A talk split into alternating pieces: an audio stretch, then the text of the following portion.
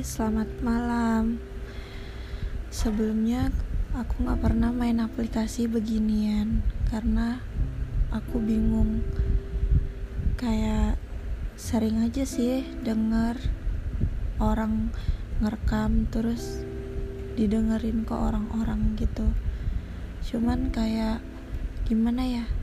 Aku kan anaknya tuh kayak insecure banget, gak pedean Nah, jadi aku lebih milih nggak cerita ke orang-orang, jadi aku pendem sendiri. Oke, kenalin, nama aku Purnama Sari, tapi kalian bisa panggil aku Bulan.